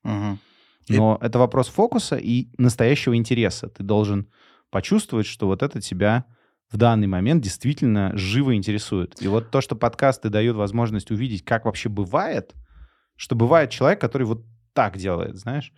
Я очень люблю Джо Рогана, и у него в какой-то момент пришел Чак Паланик, и он рассказал историю про то, как он в ковид сам построил из камней замок. И потом устроил, значит, для детей Хэллоуин-вечеринку Да. в замке. И просто ты когда просто ты узнаешь такую историю, там сидит чувак, ему там за 70 лет, и он типа из камней за ковид построил замок. И ты такой, господи, как вообще по-разному миру, ну, типа, как много всего можно делать. Да, да. У меня в этом смысле любимый пример мой собственный дед, который э, после университета там в Советском Союзе, после института ЛИТИ он заканчивал, его позвали две кафедры в аспирантуру. Мгм. Ему не понравилось, что между ними была какая-то конкуренция, интриги. а, И он плюнул и пошел работать электриком на атомный ледокол. Вау.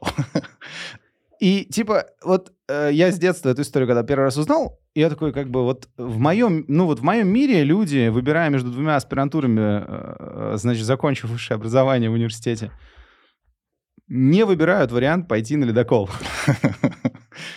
И я такой, а, ну я очень узко смотрю на мир. На самом деле мир намного шире. Ты же дипломированный электрик, ты можешь быть электриком где угодно, в том числе в порте приписки «Находка». А Если ты хочешь увидеть север, если ты хочешь увидеть северное сияние, все такое, ну, это нормальный вариант. Э, но но ты, ты про него не думаешь, да? И есть очень много примеров. Вот, ну, в, стартапах, допустим, это, я сейчас много как бы взаимодействую с какими-то стартаперскими командами, которые что-то делают с машинным обучением. Мгм. И это бывает очень заметно, что люди очень узко смотрят на то, что они делают, хотя они вроде классные, они стартаперы, они погружены в какую-то технологию, им интересно сделать что-то большое, сделать бизнес, но они не могут выйти за пределы вот выбора из двух аспирантур. И есть прекрасный пример вот Инстаграма, мы сегодня несколько раз обсуждали. Инстаграм до, до пивота назывался Bourbon. И он конкурировал с Foursquare Да. С Foursquare и, по-моему, GoZilla или что-то такое было второе приложение. И он был типа третьим игроком на рынке чекинов. И вот эта карта с фотографиями Инстаграма, это единственное, что осталось от той функциональности. И они в какой-то момент поняли, что они в эту игру не выиграют, потому что они третий игрок, и там уже как бы очень большие оценки у, у, у Foursquare, много денег они подняли. И они сделали пивот и такие, а, ну мы хотели показывать людям мир глазами их друзей. Ну давайте, что мы с этими чекинами возимся? Вот просто картинки, давайте на картинках сфокусируемся. Это такой чуть-чуть шаг в сторону, который дал им там в итоге возможность построить единорога и прям, ну, очевидно, история успеха, полезный продукт, да? Ну да. И вот это, э, среди прочего, подкастинг, мне кажется, расширяет у людей вот это представление, что, а можно и так, можно взять замок строить из камней. Почему нет? А как ты вы- выбираешь, э, как сфос- фокусироваться на, на что-то? Как ты понимаешь, что это то, что надо заняться следующие, например, 2-3 года или 5 лет? Интерес. Если я испытываю внутренний какой-то необъяснимый интерес, я фокусируюсь. Как э, Я, не- я не... интуиция, да, да, наверное? да, да, что-то... Ну, мне кажется, что интерес э, сильно завязан на биологию. То есть мне, я, я, я считаю, что есть какие-то внутренние особенности э, биологические, которые влияют на то, что человеку больше интересно, что меньше. То есть есть там люди, которые более рисковые, более, менее рисковые, да, вот, вот это есть. Есть любознательность, такая насмотренность какая-то, то есть когда ты много чем в жизни интересовался, у тебя как бы... Ну, это как, как мышца, она тоже ее как бы развиваешь. Вот эта любознательность — это навык. Да. И, и- и иногда ты цепляешься за что-то такой, подожди, подожди, подожди, что, что, что, что, и, и начинаешь это раскручивать, раскручивать, раскручивать, и потом в 3 часа ночи ты, значит, э, отрываешься от компьютера, потому что ты там в какие-то дебри залез и читаешь там какой-нибудь большой интересный текст, понимаешь, все-таки надо пойти спать, такой, ну вот это, наверное, я это, ну, это что-то важное. Мгм. Э, то есть я не то чтобы это анализирую, я постфактум делаю такие заметки, что вот это как-то меня зацепило чем-то, значит, надо посмотреть в это глубже. А, Оно бывает, оказывается, довольно мелким. То есть ты смотришь в него глубже, и оказывается, что там никакой глубины нет, и этот интерес пропадает. Ну, нормально, тогда переключился на что-то другое. А бывает, что смотришь, смотришь, смотришь, и оно все глубже, глубже, глубже. И ты такой, о, нормально, пошли. Пошли, пошли, пошли. И все. И все. Да. Есть фокус. Да, да. У нас традиционный вопрос в конце подкаста э, звучит примерно так. Э, что тебя заставляет утром просыпаться и в чем твоя мотивация, чтобы продолжать делать то, что ты делаешь? А, Ну, если честно, заставляет просыпаться то, что нужно, конечно, гулять с собаками. Сколько у тебя собак? Две собаки у нас. А, И они очень классные. Всю жизнь хотел собак, и теперь есть собаки, я очень рад. Нет, ну, не знаю. А, В разные дни разное. А, Мне кажется, что есть два важных свойства. Первое, то, что ты получаешь удовольствие от того, что делаешь, когда бодрствуешь. Мгм. Я в этом смысле гедонист. Я считаю, что а, одним из неплохих таких эвристик, если угодно, да, то есть э, это не универсальное правило, но в целом, если тебе что-то приносит радость, а, то это хорошо. А если это приносит радость не только тебе, но еще и другим, то это совсем хорошо, да. И вот на это можно ориентироваться как на один из жизненных ориентиров точно. Вот, а во-вторых, э, мне кажется, что сам опыт того, что мы себя осознаем, вот что мы как люди имеем сознание. Uh-huh. Есть такая научная статья философская, называется What does it feel to be a bat? Типа, что, что может ощущать летучая мышь? да, как, как, как ощущает себя э, летучая мышь, такая статья. Это про природу сознания, то есть философы много спорят вообще, что такое сознание, как, как оно работает. Но вот смотришь, когда на животных, на тех же собак, ты видишь, что собака, она как-то себя осознает. Не так, как человек, но она как-то вот понимает, что собака, она собака. Да, да, сто процентов. Она как-то вот э, такая, что-то я живу, что-то происходит вокруг что-то кто-то мне помогает, кто-то мне не помогает. Но у них еще и эмоции есть, они могут эти эмоции показывать. Да, да, да, да, да. У них еще и мимические мышцы есть, да, потому да. что они эволюционно развивались вместе с нами, чтобы с нами взаимодействовать. Для того, чтобы mm-hmm. собака с собакой взаимодействовать, ей не нужна мимика. А вот нам, чтобы что-то показать, мимика им нужна. Но и... мои собаки улыба... улыбаются. Да, да, да, да, да, да, да. Но у них есть, э, у них э, мимических мышц больше, чем у волков. То ли на одну, то ли на две мышцы. Ну, в общем, у них больше мышц, чем у волков. Это одно из эволюционных адаптаций к людям. Но ты вот на нее смотришь и видишь, что, окей, у нее есть э, ощущение себя, но оно совсем не такое, как у тебя, а у тебя оно прям такое сложное. Там mm-hmm. ты многое про себя можешь себе рассказать. Ты можешь рассказать, как ты умрешь, к примеру. Это такая сложная штука, которая, кажется, собака не может себе рассказать. То есть вот этот опыт человека, он, он супер сложный и интересный. И каждый день в нем находиться — это круто. Это очень интересно. Я вот про это недавно думал, мне друг прислал э, от Ирландии на Евровидении э, бывший солист Sex Pistols со своей группой очень крутую песню записал э, «Гавайи», э, подал ее на Евровидение от Ирландии. Песня посвящена его жене, у которой сейчас Альцгеймер. И ты слушаешь эту песню, и ты думаешь, блин, как вообще странно быть человеком. Yeah. Какое-то вообще странное досталось тебе, э, не знаю, время. тебе, у тебя было какое-то количество времени, и оно у каждого будет свое, и оно очень странное именно потому, что ты что-то про это понимаешь. Ты понимаешь, как бы, что с тобой было, что с тобой будет, где ты сейчас. И это совершенно удивительная штука, и одновременно, там, если ты начинаешь всерьез про это думать, то там очень четкая вот эта граница между таким экзистенциальным ужасом от всего этого, да, и тем, что тут же рядом есть возможность э, осознанно чего-то поменять в своей жизни, в жизни других людей, в мире, да, пройдя вот по бровке этого экзистенциального ужаса, отдавая mm-hmm. себе отчет, что вообще это значит, что с нами происходит, можно взять всерьез и что-то поменять. Ну, и это повод просыпаться каждый день. Спасибо большое. Шнура Калютюн. Шнура Калютюн за, за, за время и за очень интересный разговор. Спасибо. Come on, come on, come on.